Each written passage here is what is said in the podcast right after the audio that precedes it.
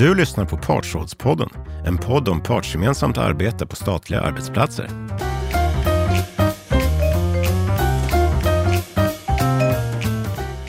–1913 infördes folkpension i Sverige och pensionsåldern sattes på 67 år. Samtidigt var den förväntade levnadslängden 60 år. Idag är medellivslängden 84 år för kvinnor och 80 år för män. Det påverkar försörjningsbördan eftersom färre behöver försörja fler. Konsekvensen för arbetslivet är att vi behöver se till att medarbetare kan och vill arbeta längre upp i åldrarna. Inte minst för att vi ska ha råd med vår välfärd. Därför behöver vi också säkra ett hållbart arbetsliv för alla generationer. På organisationsnivå är det ett långsiktigt och kontinuerligt arbete eftersom längden på en människas yrkesverksamma liv påverkas av hur det ser ut i sin helhet. Både positiva och negativa inslag i arbetsmiljön, från den första arbetsdagen till den sista, har betydelse för förmågan, orken och viljan att fortsätta så länge som vi faktiskt behöver. Jag heter Emilia Liljefrost och är programchef för programmet för hållbart arbetsliv. I det här avsnittet tittar vi närmare på vilka faktorer som bidrar till att vi kan och vill ingå i arbetslivet oavsett ålder. Vi ska också prata om utmaningarna kring det här, liksom om verksamhetsnyttan med att ha flera generationer på en arbetsplats. Dessutom får vi exempel på hur en organisation kan arbeta för att locka och behålla medarbetare i olika åldrar.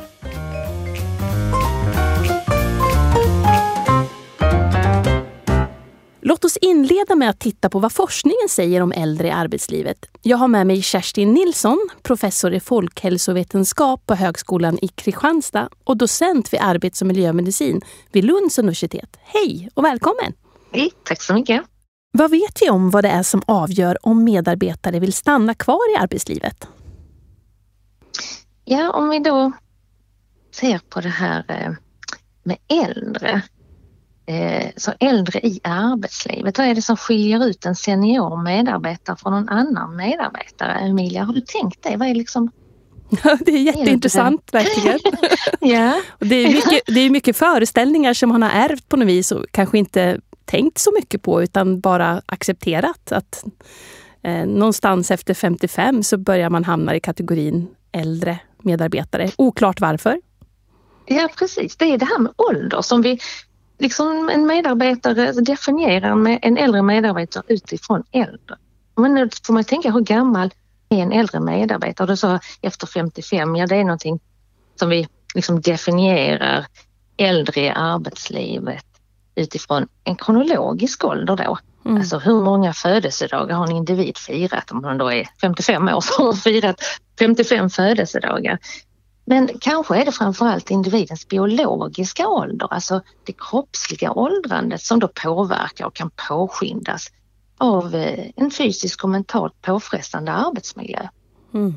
Och äldre har ju dessutom då stått längre tid under risk om de har befunnit sig en längre tid i en arbetsmiljö som kanske inte är jättebra. Och då kan de ha utvecklat sjukdomar utifrån den här arbetsmiljön eller arbetsskador. Mm. Som då har då, och påskyndat det biologiska åldrandet.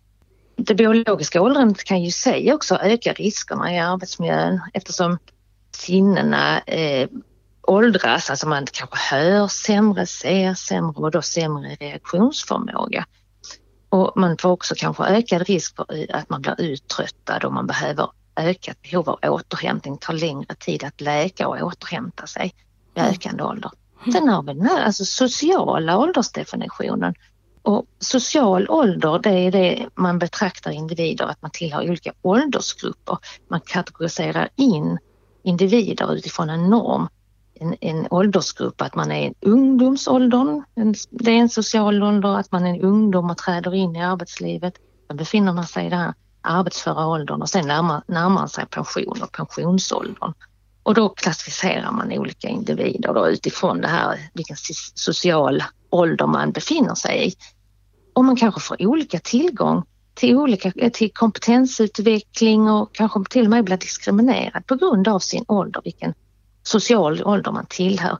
Vi pratar i det här med eh, becomings, beings och has-beens i förhållande till det här med social ålder. Becomings är då att om man kommer ny in på en arbetsplats så kanske man betraktas som att ja, det är den där nya, de kan ingenting och de är de kommer för sent och de brukar inte allvar och sådär. Men sen är man beings och det är den gyllene medelåldern och det är där makten ofta sitter. Det är, liksom det är, det är de som är beslutsfattare och sådär som i den där gyllene medelåldern. Men samtidigt är det där man kanske också har familjelivet och man ska hinna med det och samtidigt med karriären och småbarn och sådär så det kan vara väldigt stressigt att vara en beings. Och sen kommer man då in i en social ålder där man betraktas som haspins. Man börjar närma sig pensionsåldern och man är kanske inte lika attraktiv längre på olika sätt. Att, ja, nu har man haft sitt arbetsliv och man, det, tankarna är föråldrade och sådär. Och sen har vi även det här med kognitiv åldersdefinitiv och kognitiva åldrandet och det är ju hjärnans utveckling genom livsloppet. Exempelvis att inlärning och minne fungerar annorlunda vid olika åldrar. Man brukar ta ett, som ett exempel det här med att barn generellt sett har lättare för att lära sig ett nytt språk eh, medan det kan bli lite svårare när man blir äldre. Mm.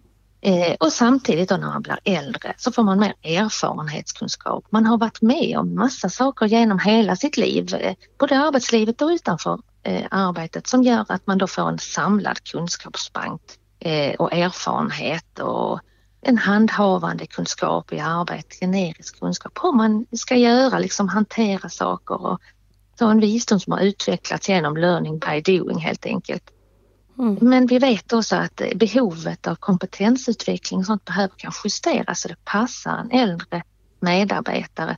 För att eftersom man, minnet fungerar lite annorlunda när man blir äldre och inlärning fungerar lite annorlunda så, så, behöver man kanske tänka på det att om kunskapen kommer på ett sätt som man är van vid så har man liksom inga problem att hänga på den tidigare kunskapen. Man får en utökad kunskapsbank och blir vis och så. Men om det är en helt ny informationssätt, att man får informationen på ett nytt sätt, då kan det vara svårare att liksom ta det till sig.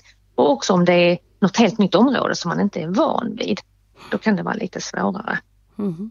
Men vad är det då är som avgör om en medarbetare stannar kvar eller inte i arbetslivet? Det är ju det vet vi att det, man gör fyra olika överväganden om att stanna kvar eller att lämna arbetsplatsen.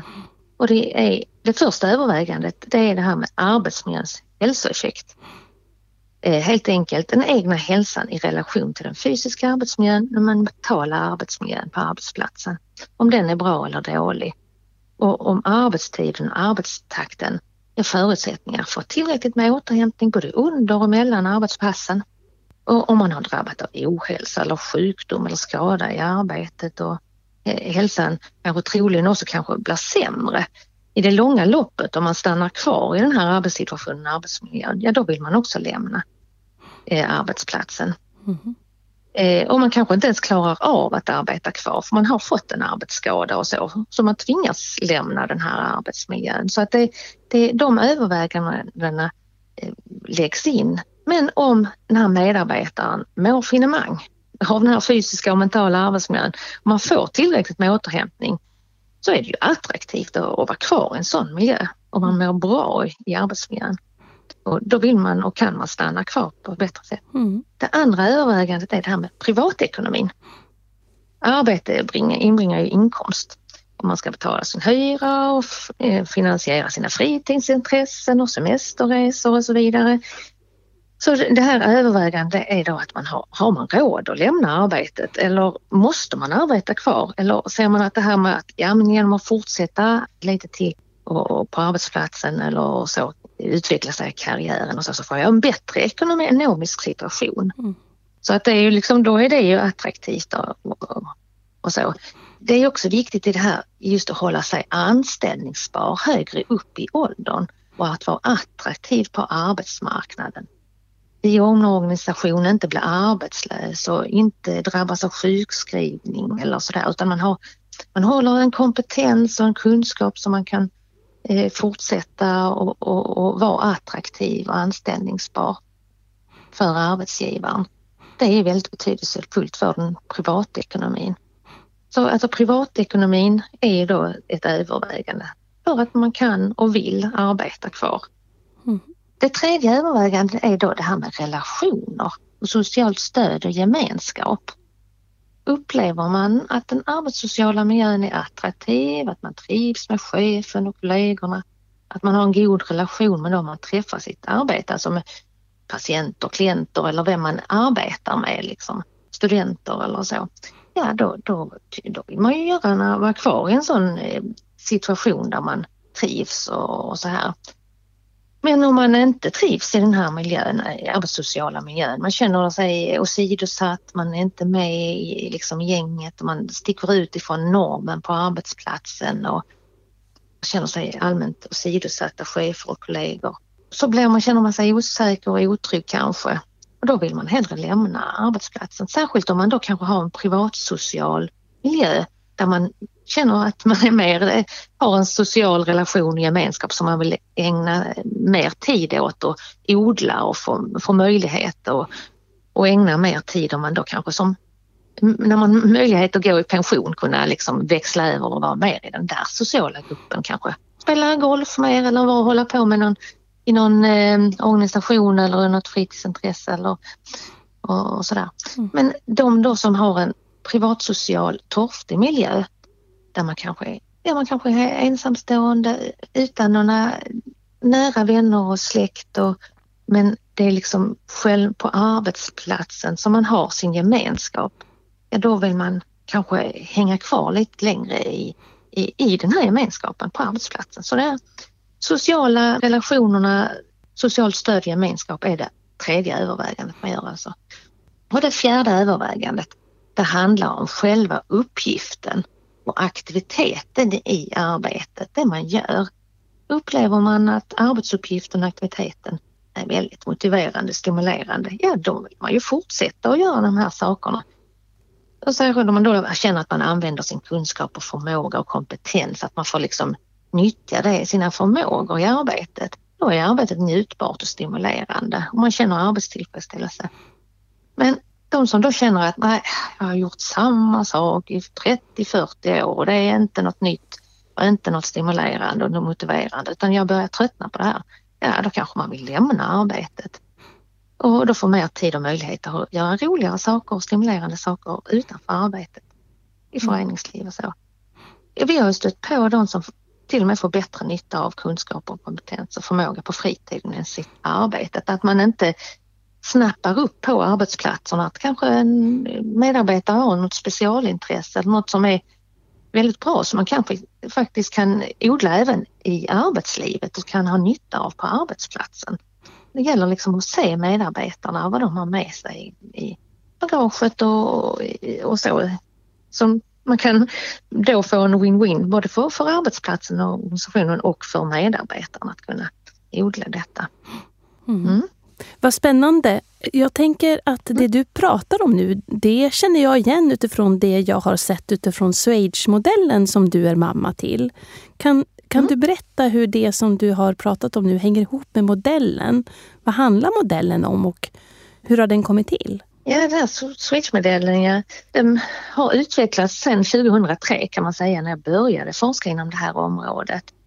Och har då gjort liksom olika typer av studier som har byggt på.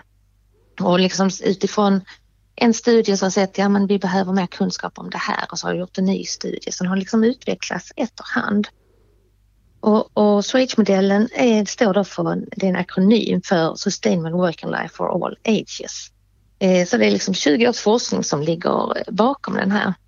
Den här bilden som ofta man tänker på liksom med SOH-modellen, det är ju liksom en visualisering av komplexiteten i arbetslivet och eh, de nio olika påverkans och bestämningsområden som finns i arbetslivet för att kunna och vilja arbeta.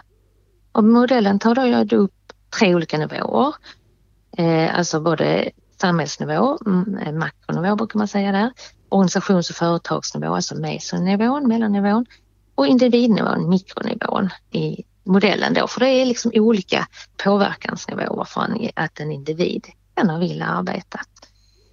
Och de här nio olika påverkans och bestämningsområdena är då alltså hälsa, medarbetarens eh, både självskattade hälsa, upplevelsen av välbefinnande, också vilka diagnoser man har, olika funktionsvariationer och så. Sen är det den fysiska arbetsmiljön Eh, med, med slitage och olyckor och klimat och, och den mentala arbetsmiljön med stress och krav, kontroll och hot och våld. Det fjärde eh, bestämningsområdet eller påverkansområdet är arbetstiden, arbetstakten och återhämtningsmöjligheter både under arbetsdagen och mellan arbetspassen. Och det femte påverkansbestämningsområdet är ekonomin, alltså försörjning och mat för dagen och så. Det måste hänga ihop med anställningsbarheten. Mm. Det sjätte området är den privatsociala miljön med familj och partner och nära vänner och fritid. Den sjunde påverkansområdet är den arbetssociala miljön med hur ledarskapet är, med attityd och diskriminering och delaktighet, socialt stöd på arbetsplatsen.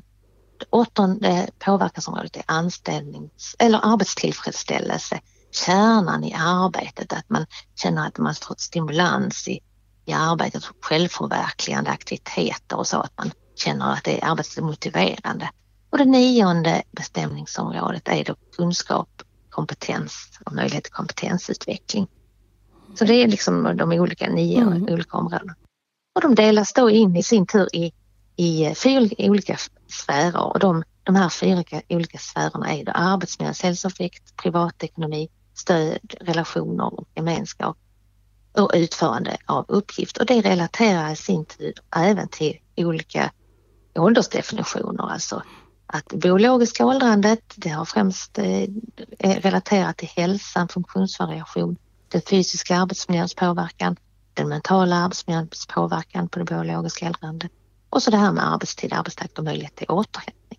Mm. Medan ekonomin och det påverkar och privatekonomin framförallt relaterat till den kronologiska åldern eftersom pensionssystem och olika andra system i, i samhället och, och, så på arbetsplatsen relaterar till alltså det kronologiska åldrandet, alltså hur många födelsedagar vi har firat. Eh, det, social ålder då relaterar då till eh, bestämning som sfären relationer, stöd, gemenskap. Alltså då eh, hur man blir betraktad utifrån vilken eh, social ålder vi befinner oss i. Och den fjärde eh, bestämnings och påverkanssfären där det relaterar då till det kognitiva åldrandet, att utförandet av uppgifter, olika sätt att lära sig och, och förmåga och så. Och eh, den här modellen knyter ju an och består av olika både teorier och olika eh, praktiska verktyg och det finns då samlat i en bok som är skrivet som Attraktivt och hållbart arbetsliv på människors villkor. Mm. Arbete, hälsa och ledarskap med Swedge-modellen i teori och praktik. Där mm. Det finns liksom samlat olika praktiska verktyg och beskrivningar av den här modellen. Mm. Kan vi prata lite mer om det, om hur den ska användas? Ja, eh, Swedge-modellen är för, många framförallt en bild, en visualisering Eh, över de här nio olika påverkans och bestämningsområden för anställningsbarhet och för att medarbetare ska kunna och vilja ingå i arbetskraften. Men Swedge-modellen består dessutom både av teorier som knyter an till och förklarar de olika delarna i modellen och praktiska verktyg. Så Swedge-modellen används både vid forskning och för förståelse av problem och främjande av ett hållbart arbetsliv. Praktiskt används eh, Swedge-modellen som ett reflektionsverktyg. Över ett hållbart arbetsliv för alla åldrar. På myndigheter, av beslutsfattare, arbetsgivare, fack, av chefer i deras dagliga arbete och i samverkansgrupper ute på arbetsplatserna. Konkret så används ju Swedge-modellen dels själv i sig som en reflektionsbild och reflektionsram av chefer som har då skrivit ut bilden och satt upp bilden på väggen ovanför sitt skrivbord för andra använda i arbete och, och leda och fördela arbetet och i sitt resonemang i det dagliga arbetet för att påminnas om och inte glömma bort någon av de här olika delarna i modellen. Men modellen används just i det systematiska arbetsmiljöarbetet på arbetsplatsen då som ett stöd, eh, en referensram för att inte glömma bort viktiga delar i arbetssituationen. Och för att risker i arbetsmiljön och arbetssituationen utifrån ett åldersperspektiv inte ska missas. Och då för att planera åtgärder och hur man ska uppnå synergieffekter av olika åtgärder eh, i, eh, utifrån de här nio olika påverkansområden. För kanske det systematiska arbetsmiljöarbetet, praktiskt så kanske många chefer tittar mer på den fysiska arbetsmiljön. och OSA, alltså mer det psykosociala och, och så, alltså den mentala arbetsmiljön och den sociala arbetsmiljön. Men man behöver också väva in liksom hur kan kompetensen och förmågan och alla de här nio olika påverkansområdena komma in. Det är alla de här nio områdena som påverkar att vi kan och vill arbeta. Så därför använder man det som en referensram för att inte missa någonting i det systematiska arbetsmiljöarbetet. Mm. Men äh, modeller används också vid medarbetarsamtal, karriärsamtal, utvecklingssamtal och olika rehabiliteringssamtal på arbetsplatser. Och då för att fånga upp olika aspekter mm. Eh, och lägga in ett åldersperspektiv i resonemanget. Du tillhör ju en kunskapsmiljö och har ju bedrivit, som sagt, forskning länge på det här området. Och om du får beskriva, hur skulle du då vilja säga då att organisationer bör arbeta långsiktigt och kontinuerligt för att få sina medarbetare att hålla så länge som möjligt? Ja, det är ju ett friskt och hållbart arbetsliv för alla åldrar. Alltså det går ju inte att först när en medarbetare är 60 år börja tänka på hur arbetslivet ska bli hållbart. Utan detta behöver ju starta redan vid inträdet i arbetskraften. Så att liksom man har det hela tiden med sig. För arbetssjukdomar och arbetsskador, det är ett stort hot mot individens möjlighet till att kunna vilja arbeta och medför då problem för deras anställningsbarhet. Och då får arbetsgivaren också liksom. Och eh, därför behöver den fysiska och mentala arbetsmiljön vara så bra som möjligt för att inte riskera medarbetarnas hälsa. Och dessutom så bör ju arbetstid och arbetstakt vara avvägt så att medarbetarna får tillräckligt med återhämtning både under arbetspassen och mellan arbetsplatsen. Och att eh, medarbetarna inte har ett överengagemang varken i arbete eller, eller privatliv som tar över utan att det finns en balans mellan privatliv och arbetsliv. Och att den arbetssociala miljön innebär goda relationer mellan chefer och medarbetare och mellan kollegor emellan och klienter, kunder, patienter, de man arbetar med.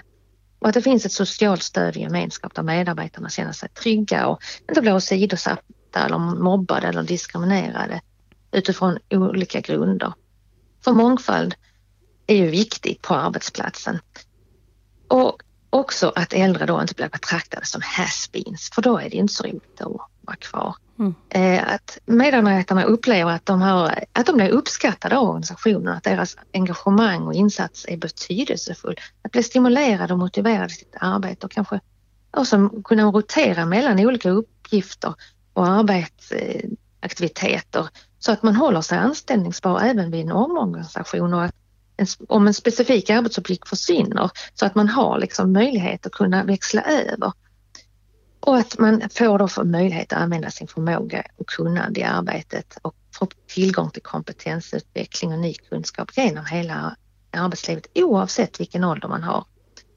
För att det är liksom väldigt viktigt och särskilt kanske vid införandet med ny teknik att man tar hänsyn då till att man kanske lär sig på olika sätt i det här med kognitiva åldrandet eh, och att det behöver kanske anpassas. Det finns ju alla de här nio bestämmelseområdena på, i, som behöver vara med vid en arbetsplatsanalys och titta över det. Att det verkligen genomförs ett systematiskt arbetsmiljöarbete på arbetsplatsen och inte det bara blir en för chefen onödig uppgift som ska in i någon pärm utan att man verkligen gör det här och ser nyttan av det här.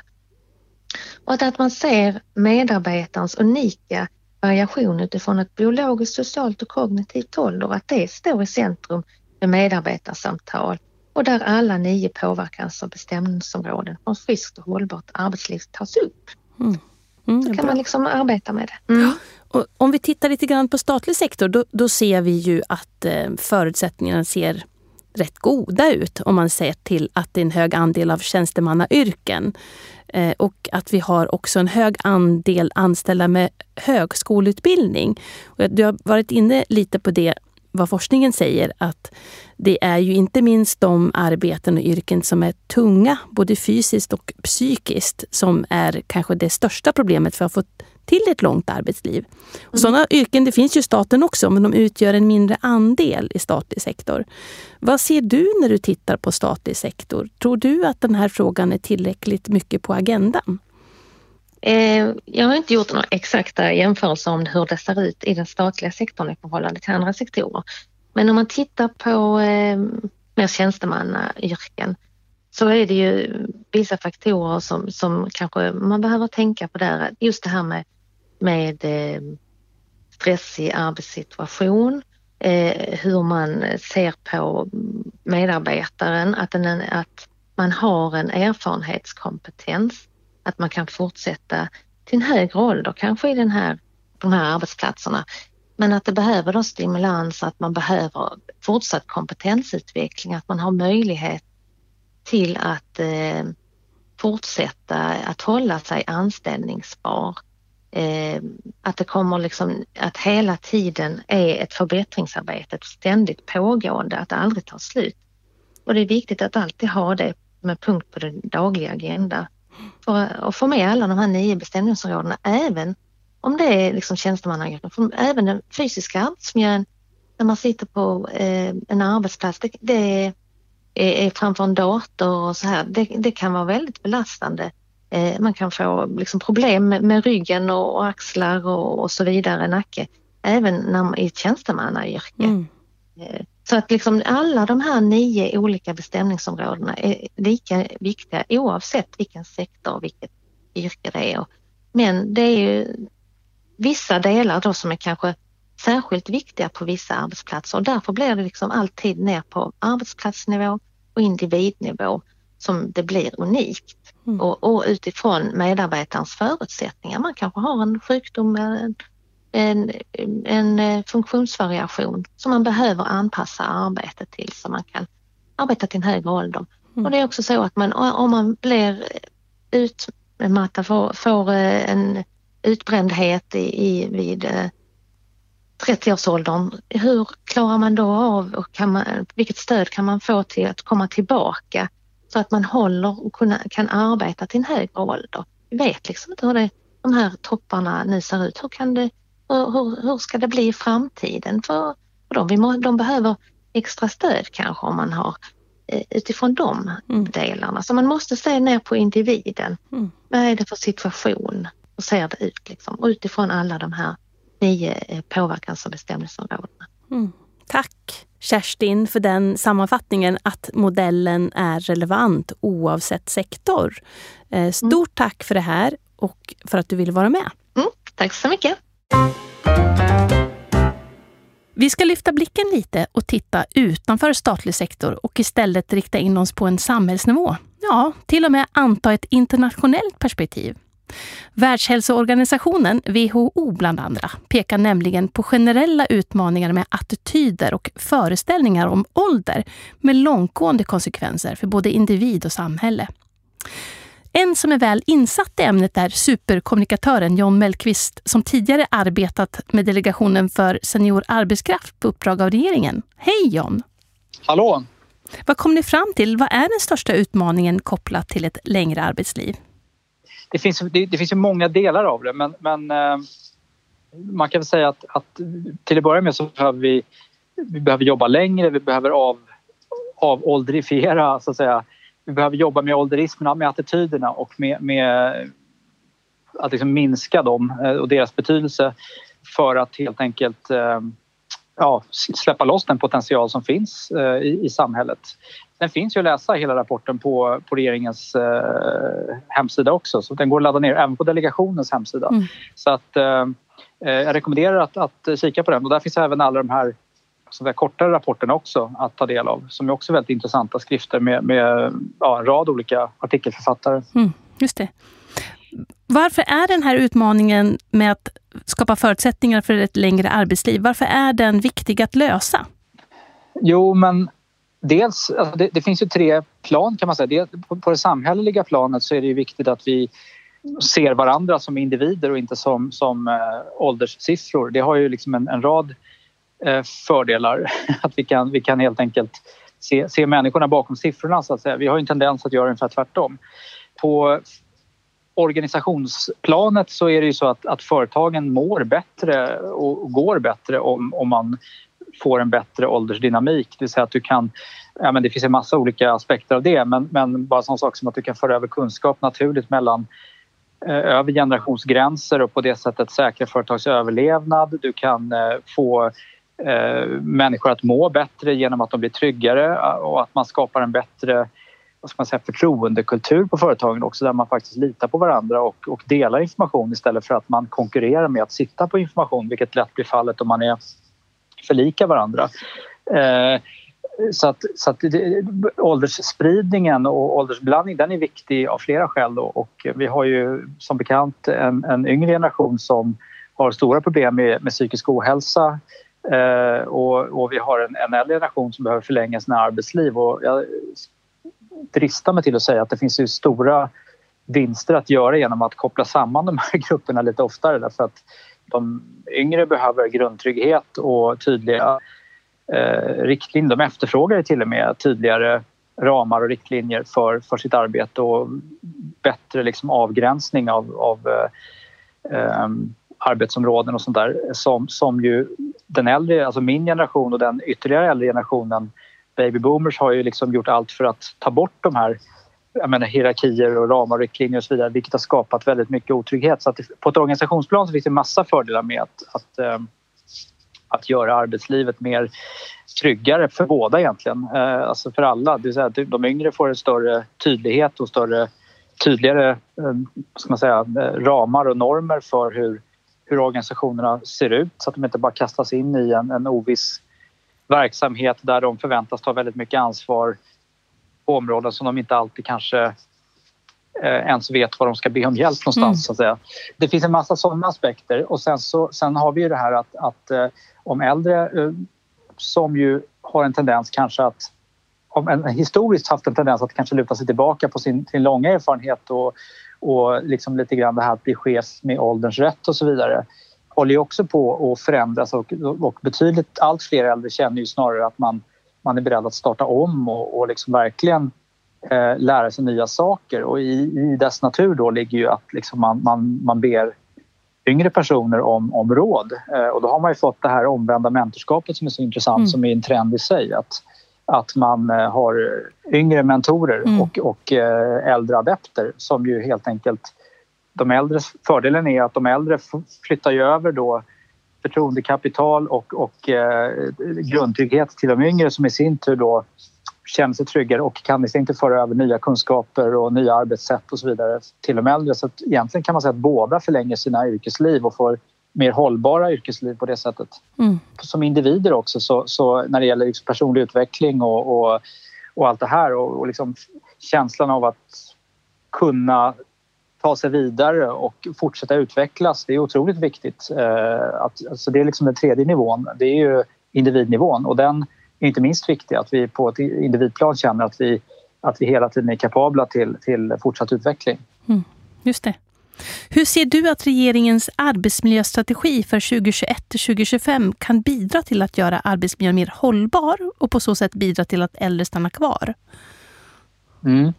Ja, men det, jag, den är ju, eh, jag har skummat igenom den ska, ska jag säga men jag har ju också tittat lite målstyrt efter det som rör just det förlängda arbetslivet och, och eh, ska säga, ålders, åldersfrågorna där och det finns ju också man har ju tagit med passager om just eh, eh, behovet av att förlänga arbetslivet och att, att eh, vår delegation, alltså delegation för senior arbetskrafts arbete och så vidare jag menar, det, det, finns ju intressant koppling där till, till eh, alltså ett hälsosamt arbetsliv har ju alla att tjäna på. Det är ju en förutsättning att vi ska kunna om vi ska förlänga arbetslivet så är det ju otroligt viktigt att vi har ett hälsosamt arbetsliv och eh, jag tror att det finns eh, alltid stor, en stor poäng med att man har stadfäst någonting i skrift förklarat, eh, liksom en programförklaring att det är det här vi ska, det är det här vi ska göra. Eh, sen är det ju upp till eh, alltså myndigheter, organisationer, företag och så vidare att, att verkligen ta det här på allvar och eh, se det här som en kursriktning. Det vill säga att man ska eh, verkligen ta sats mot, mot ett längre arbetsliv och det kommer ju ställa krav på, på alla. Det vill säga det kommer ju alltid, kommer bli en liten... Eh, det krävs ju ett häv så att säga för att alla ska eh, bli en del av den här utvecklingen. Det vill säga att man inte som företag att man ser över sina skrivelser och, och, och eh, sina formuleringar till exempel mot arbetsmarknaden så att man verkligen är tydligt inkluderande mot även de som vill starta om sitt arbetsliv, kanske senare i livet och så vidare. Eh, och, och eh, jag tycker också en, en, annan grej som jag själv skrev om i Dagens Industri nyligen, eh, en debattartikel, var just den här den, liksom den längre arbetslivspausen. Alltså behovet av återhämtning eh, vid olika tidpunkter i livet är otroligt viktig men inte alltid så, så tillåten. Alltså vi, vi har en tendens att liksom skapa det här ekorrhjulet där allting snurrar snabbare och snabbare och tar man sig ut en liten stund eh, eller en längre stund så, det, så, kan det vara svårt att komma tillbaka. Eh, jag menar, det är en rad framförallt kvinnor då, som till exempel tar en paus i samband med eh, att man skaffar barn eh, så tar ju kvinnorna ofta ett större barnansvar vilket gör att när de sen ska tillbaka då har ju saker och ting för, hunnit förändras.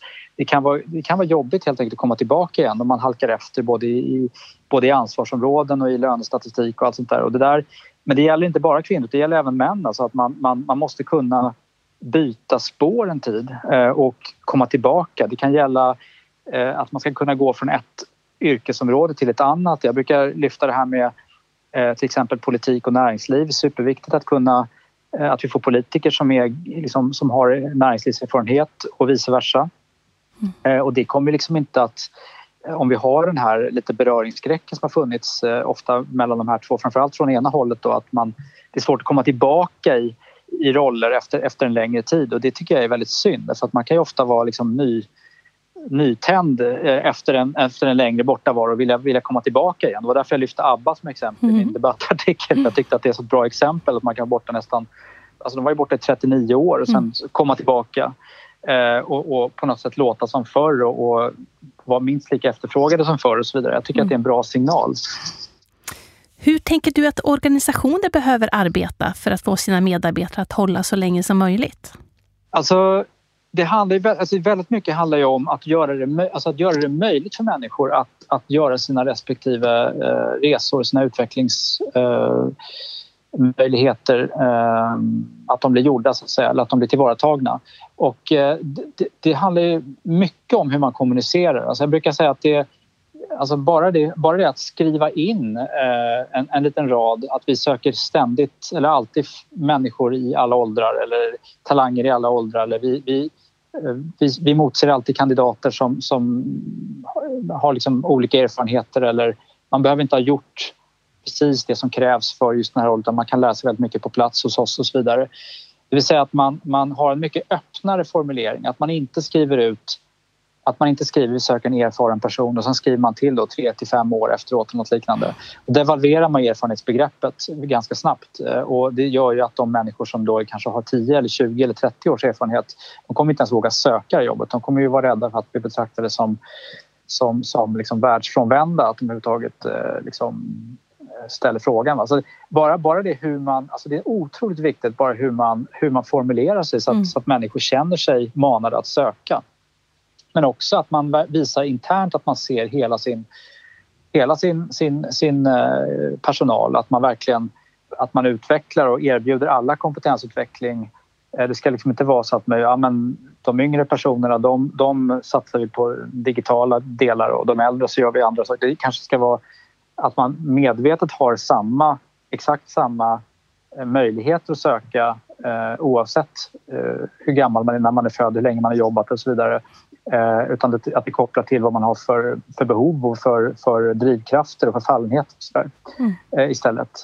Eh, det här börjar man också se när det gäller målgrupper också. Att man, man har börjat liksom mer och mer frångå det här med att, att marknadsföra eh, mot eh, generationer utan man tänker mer utifrån, alltså man pratar om consumer mindsets, det vill säga att man har liksom och lite, man kan säga ett liknande sätt, synsätt eh, bör man ju inta då, eller kan man inta med fördel när man tänker på intressen internt också på, på organisationen. Det, vill säga mm. vad, alltså det handlar egentligen inte om när man är född utan det handlar om eh, vad man är intresserad av i grunden. Um, Tänker du att det här är ett sätt att komma bort ifrån åldersfixeringen?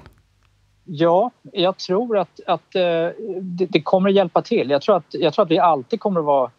Alltså ålder kommer alltid vara en stark identifikation. Vi kommer alltid identifiera oss med, med människor som är födda ungefär samma samma tid som oss. Av, inte när det gäller allt, men, men det, det liksom finns helt enkelt allt för många referenspunkter för att man ska kunna bortse från det.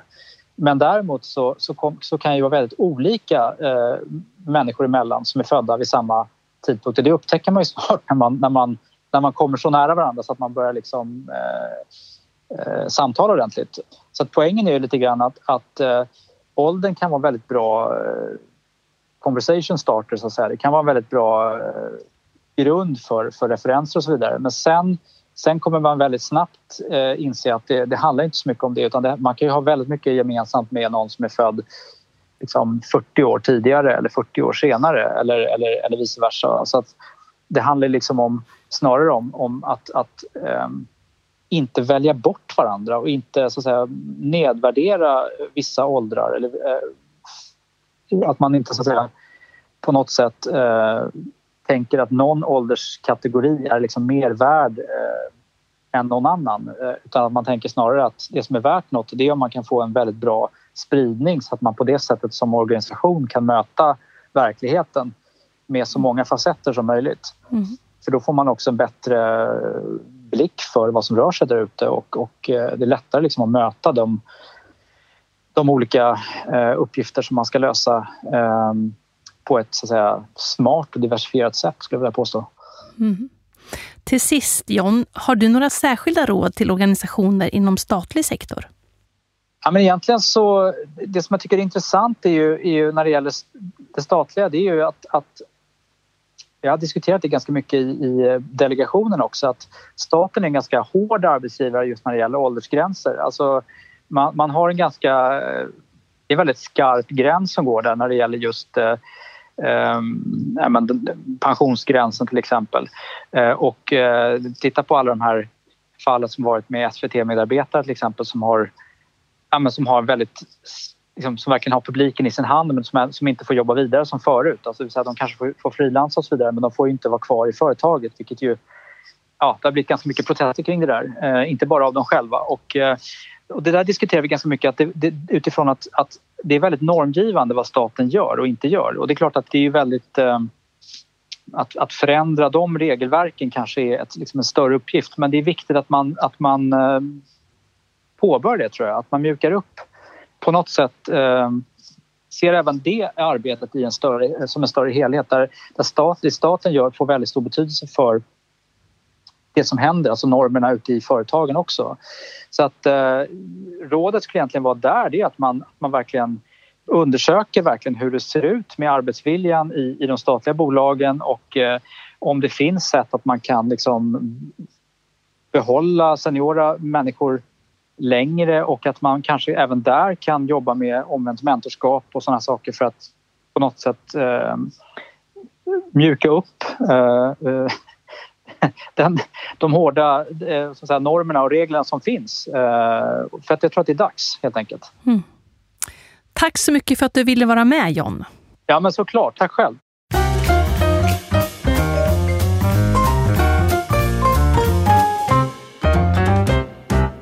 Nu ska vi titta närmare på verksamhetsnyttan med åldersspridning bland medarbetare och hur en statlig organisation kan arbeta för att skapa ett hållbart arbetsliv för alla generationer. Därför har jag bjudit in lokala parter från Trafikverket. Välkommen Niklas Lamberg, HR-direktör och Charlotte Olsson, facklig representant för Seko. Tack så mycket. Tack. Trafikverket rankas ju som en av Sveriges bästa arbetsgivare i Universums undersökning. Vad beror det på Niklas? Det beror på, på flera saker skulle jag säga. Alltså dels så är det ju som ett målmedvetet långsiktigt arbete som eh, vi nu har, har drivit under flera år och också har en, en riktning eh, framåt. Då. Eh, och alltså, den första delen i det, det är att vi, vårt högre syfte verkligen, så vi, vi påverkar ju eh, allas vardag eh, runt om i Sverige varje dag året runt det gör liksom att vårt samhällsuppdrag är viktigt och det verkligen liksom gör skillnad i, i samhället. Och att då få vara med liksom på, på den resan är liksom en, bara i sig då, eh, någonting liksom som, som, som verkligen liksom attraherar många. Och sen när vi liksom då tittar liksom på de olika möjligheter vad det finns att jobba med då inom Trafikverket. Väldigt bra förutsättningar för att utvecklas i, olika roller. Vi har en bra personalpolitik. Det är liksom eh, ett, väldigt, ett gott ledarskap där, där vi verkligen liksom lyfter upp dialogen mellan chef och medarbetare Eh, och att vi liksom just pratar om det här med hållbart arbetsliv. Hur ska du liksom kunna liksom trivas, må bra, utvecklas och prestera bra under många, många år eh, med Trafikverket som, som arbetsgivare. Så, så det, liksom är, det är flera delar i det här som vi tycker liksom väldigt strukturerat jobbar med och som vi också då ser har den positiva effekt som, som vi önskar se. Då. Mm. Vad säger du Charlotte? Vi har ju en väldigt rolig, eller angelägen och viktig och betydelsefull liksom, syfte och mål med verksamheten. Att det, där man kan göra skillnad. Eh, det attraherar ju självklart. Men sen tror jag också just det här jobbet med tydliga mål och att och få mål och visioner och syften att eh, tydliggöras och även man har jobbat med transparens och möjligheten att kunna delta och bidra och påverka är ju sånt som attraherar. Mm, jättebra. Niklas, skulle du kunna säga någonting mer om era övergripande strategier för att locka och behålla kompetenser? Det där är ju två delar då, för tittar vi som först med att att locka så handlar det om att, att liksom öka kännedomen fortsatt om Trafikverket och, och skapa intresse för Trafikverket som, som arbetsgivare. Eh, och, menar, vi rekryterar ju oerhört mycket utanför liksom, också staten och det gör ju det att, att, vi behöver verkligen hela tiden jobba med kännedomen om Trafikverket. Vad är det för någonting som, som vi kan erbjuda för en rad olika eh, målgrupper? Och det har vi gjort liksom, under åren att verkligen Eh, definiera, hitta nya målgrupper och för dem då liksom introducera, presentera Trafikverket. Och en del tillfällen då ger det liksom, vi ser frukt direkt och andra så är det liksom ett mycket långsiktigare arbete. Eh, men just att öka kännedomen. Så, så där, där finns liksom mycket att verkligen visa vad, vad hur ser vårt arbetsgivarerbjudande ut då. Mm, när det kommer sen till liksom att då behålla alla de duktiga medarbetare som vi har. Då handlar det där om att man ser till att man verkligen blir både sedd och hörd, att man ser vilka utvecklingsmöjligheter som, som finns i organisationen. Vi har mer än 150 olika roller, befattningar Eh, så det är klart att det finns väldigt bra förutsättningar eh, att gå vidare och utvecklas på olika sätt. Antingen att du breddar fördjupar i den roll du har eller också liksom går vidare inom andra roller och andra områden inom Trafikverket. Mm. Och sen så när vi tittar på intern och extern attraktivitet så är det så viktigt att de här verkligen går hand i hand för att ofta så är det ju så att när du i ditt externa attraktivitetsarbete så berättar du och försöker ge en så sann och attraktiv bild som möjligt av din verksamhet. Men det som sen som vi mäts på verkligen, det är ju då hur upplever alla de medarbetare som finns i organisationen det som vi säger lovas och berättas utåt, är det så det är också mm. på riktigt på insidan? Och det jobbar vi ju mycket med, att det här verkligen ska liksom vara total samklang i det där så att externt och internt, att det verkligen går hand i hand. Mm. Eh, och det ser vi också i mätningar att vi lyckas med. Det är väldigt, väldigt litet glapp mellan hur man då uppfattar oss externt och internt. Mm. Vad finns det då för långsiktiga strategier, Niklas, för att arbeta, för medarbetare att de ska kunna hålla så länge som möjligt? Nej, men där är det ju just fortsatt liksom då att peka på hur ser då olika utvecklingsmöjligheter ut eh, inom Trafikverket. Också att det finns en flexibilitet beroende på vilken fas du är i, i livet. Det är en skillnad, det säger när, när du då innan du eh, till exempel liksom bildar familj och du är alltså på ett annat sätt då flexibel, fri och inte behöver ta hänsyn lika mycket då till liksom till, till privatlivet. Då kan du jobba liksom på ett sätt och, och kan vara intresserad av, av vissa delar. Eh, sen så har du liksom då tiden med, med kanske familjebindning, småbarnsåren och du får liksom en, eh, ja, andra saker att liksom som, som också då verkligen behöver din uppmärksamhet och också eh, styr, begränsar lite grann hur du vill och kan, kan jobba och då ska det liksom också finnas liksom bra förutsättningar att, att, att jobba. Och sen så kommer du liksom i, i nästa fas eh, där, där du återigen då ska vi säga, kanske liksom är, är friare och också vill jobba kanske lite mer eller jobba annorlunda. Och mm. sen så kommer kanske den fjärde fasen där du känner att men nu skulle jag faktiskt egentligen vilja eh, gå ner lite grann ändå i, i arbetsmängd och så vidare. Och, och de här liksom tre första faserna, där tycker jag liksom att vi idag är, är bra. Däremot så så, så kan vi sen liksom jobba lite mer med den, den fjärde fasen och se hur kan vi liksom på sikt skapa liksom en större flexibilitet där också då i, i arbetstid och så. Men mm. där är vi inte riktigt ännu. Jag förstår. Det låter som ni har ett eh, medvetet eh, arbete och strategi för att skapa attraktivitet och hållbarhet för alla åldrar. Ja, alla åldrar och också liksom för de, det som jag säger, liksom snarare de olika faser i livet. Då. Vi, vi har precis nu håller vi på med som en, en, en pilot eh, där, där alla medarbetare som är föräldralediga, där de då bjuds in till ett antal seminarier och nätverksmöten då, just i egenskapen av att man är föräldraledig. Mm. Helt frivilligt om man vill delta, men ett sätt då att hålla kontakten med, med jobbet, prata med lite nya arbetskamrater och då sätta vi säger, föräldraskapet i en ledarskapskontext och mm. prata om det.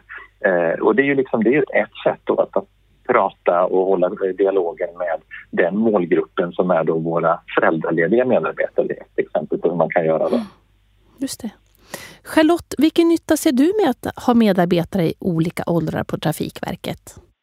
Jag ser det som en förutsättning eller nödvändighet för att vi ska kunna lyckas med, med uppdraget och med drivandet, planerandet, byggandet, förvaltandet och utveckla ett transportsystem för Sverige och uppfylla samhällets förväntningar på oss, att vad det är vi levererar för någonting. Mm.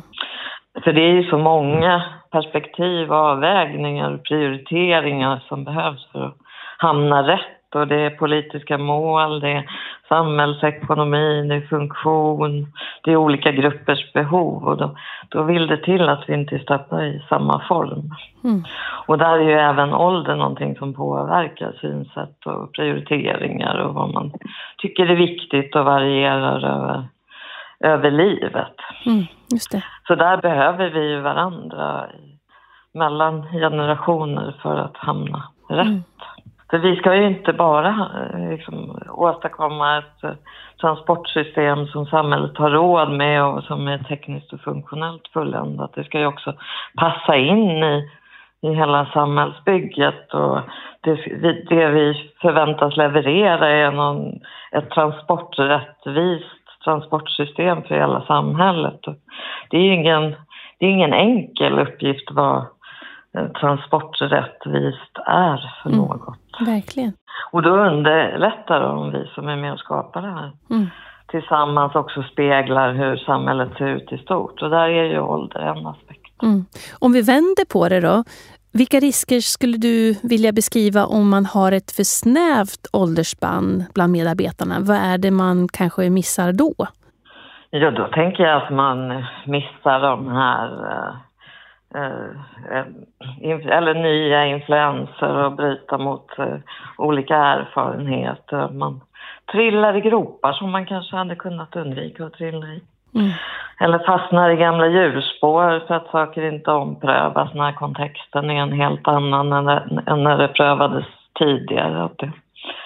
Sen brukar ju människor tycka om sammanhang där där man blandas och, att det är liksom hela, hela åldersspannet som finns då ger lite extra krydda och att uh, livet när man möts. Och det finns ju, det är ju tillfällena där man möts uh, i samhället blir färre och färre och man mm. ger ju mycket energi och kraft åt varandra över generationsgränserna om man bara träffas.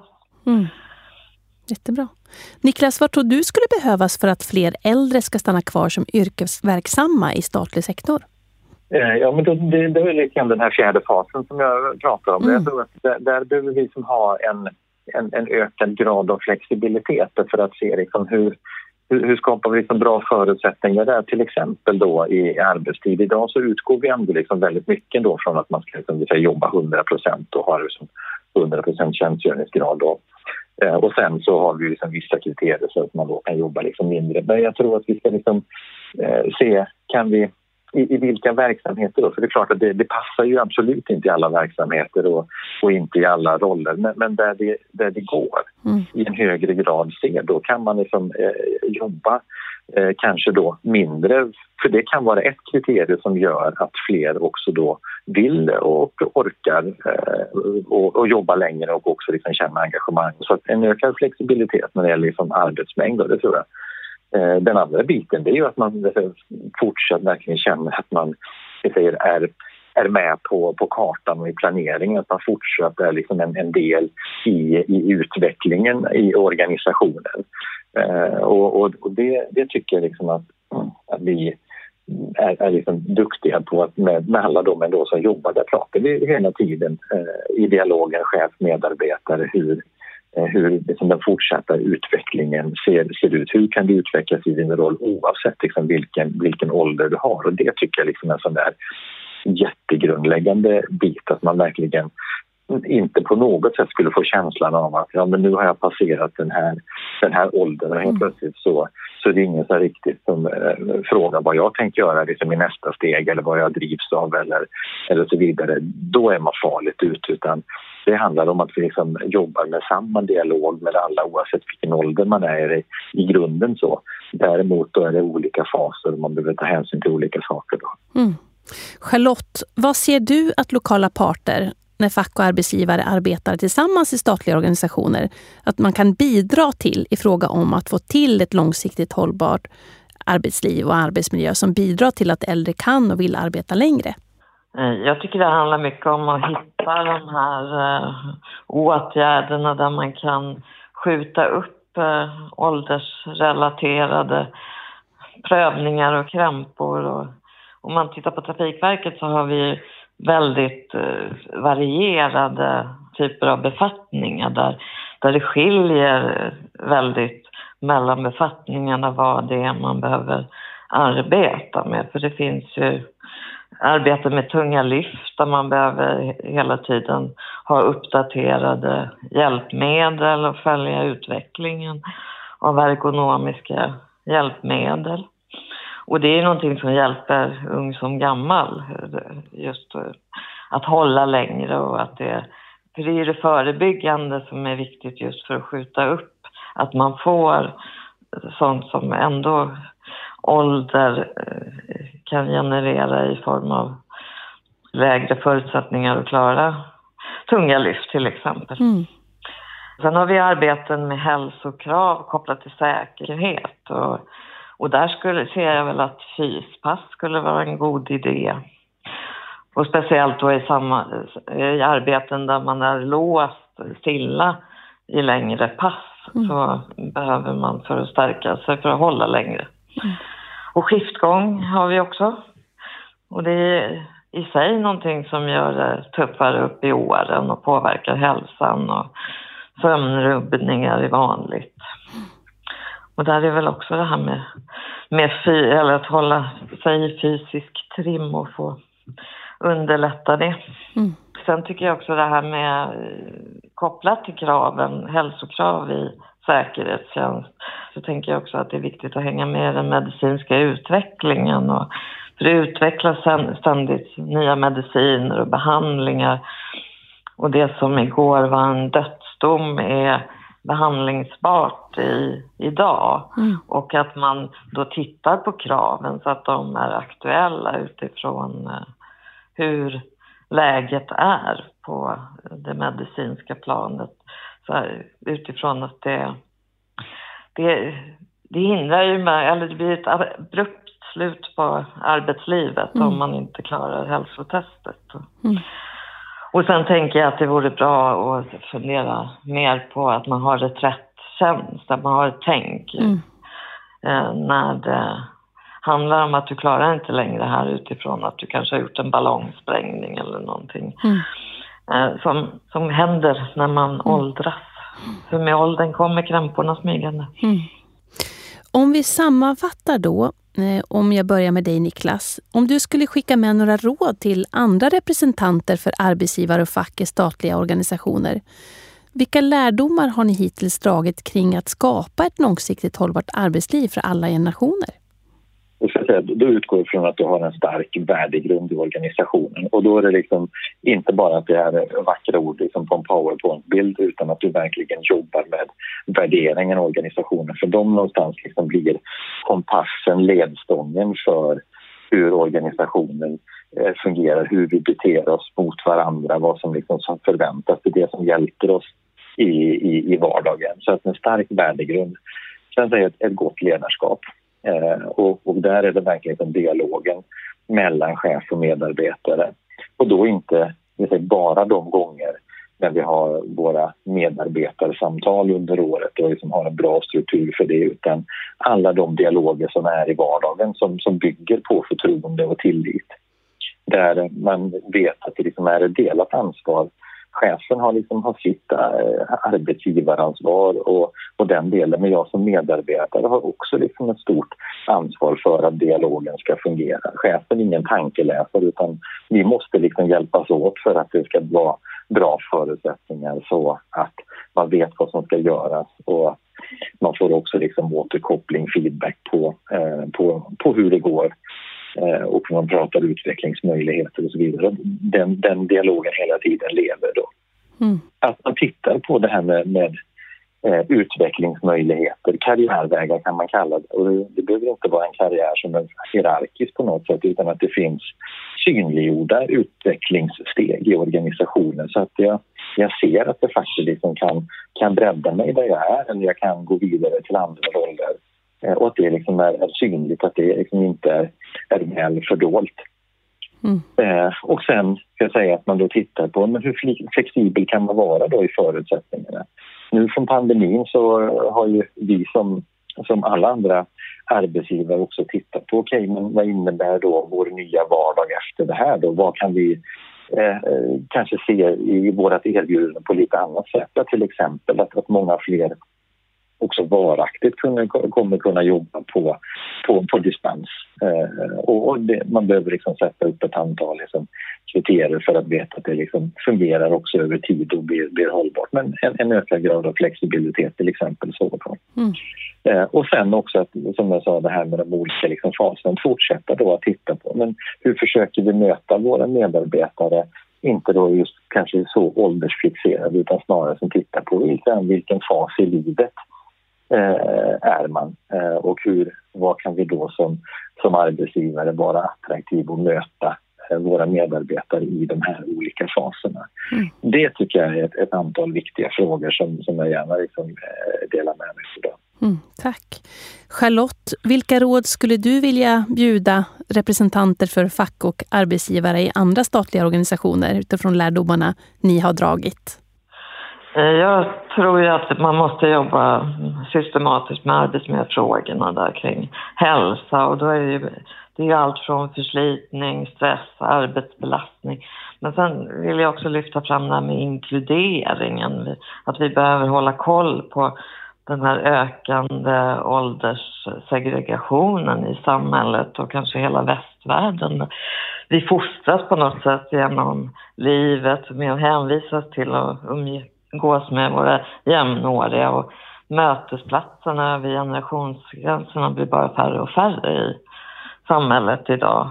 Och arbetsplatserna börjar här nästan bli exklusiva. I, och i ett historiskt perspektiv så är det ju trots allt tillsammans och när vi samarbetar som vi har drivit utvecklingen framåt. Att det, eh, och det, det oroar och man ser allt ofta att olika åldersgrupper tar strid för sin egen åldersgrupp. Ålderismen har blivit ett begrepp och det pratas om en förestående revolution. Och unga är en annan grupp som är långt ifrån nöjda med tingens ordning på arbetsmarknaden. Att det, och jag tänker att man måste vara vaksam på de här spänningarna mellan olika eh, åldersgrupperingar som känner sig missgynnade och för fördelade, för det gynnar ju ingen. Och, eh, eller på, och inte minst verksamheten drabbas ju om man får sådana spänningar. Och vi behöver jobba med inkluderandet och där alla individer är individer och inte en ålder. Och hålla oss borta från att tillskriva olika åldrar eh, egenskaper per automatik som att eh, äldre människor är förändringsobenägna eller vad man nu kan hitta på. Mm. Så jag blir väldigt glad att höra att Niklas tog upp det också. Mm. Bra. Stort tack Niklas och Charlotte på Trafikverket. Tack så mycket. Tack. När vi nu rundar av det här avsnittet vill jag passa på att berätta att Partsrådet på uppdrag av centrala parter just nu är igång med att utveckla en ny tjänst med fokus på ett längre arbetsliv. Tjänsten kommer att vara anpassad för lokala parter i statliga organisationer och syftet är att lyfta frågorna och bidra till en ökad förståelse för att på så sätt kunna främja förutsättningarna för ett arbetsliv för alla generationer. Utgångspunkten för det digitala lärmaterialet är den modell, Swage, som Kerstin Nilsson berättar om. Tjänsten kommer att lanseras under 2022. Håll utkik på webben och i vårt nyhetsbrev. Tack för att du har lyssnat! Det här programmet görs på Beppo. Beppo.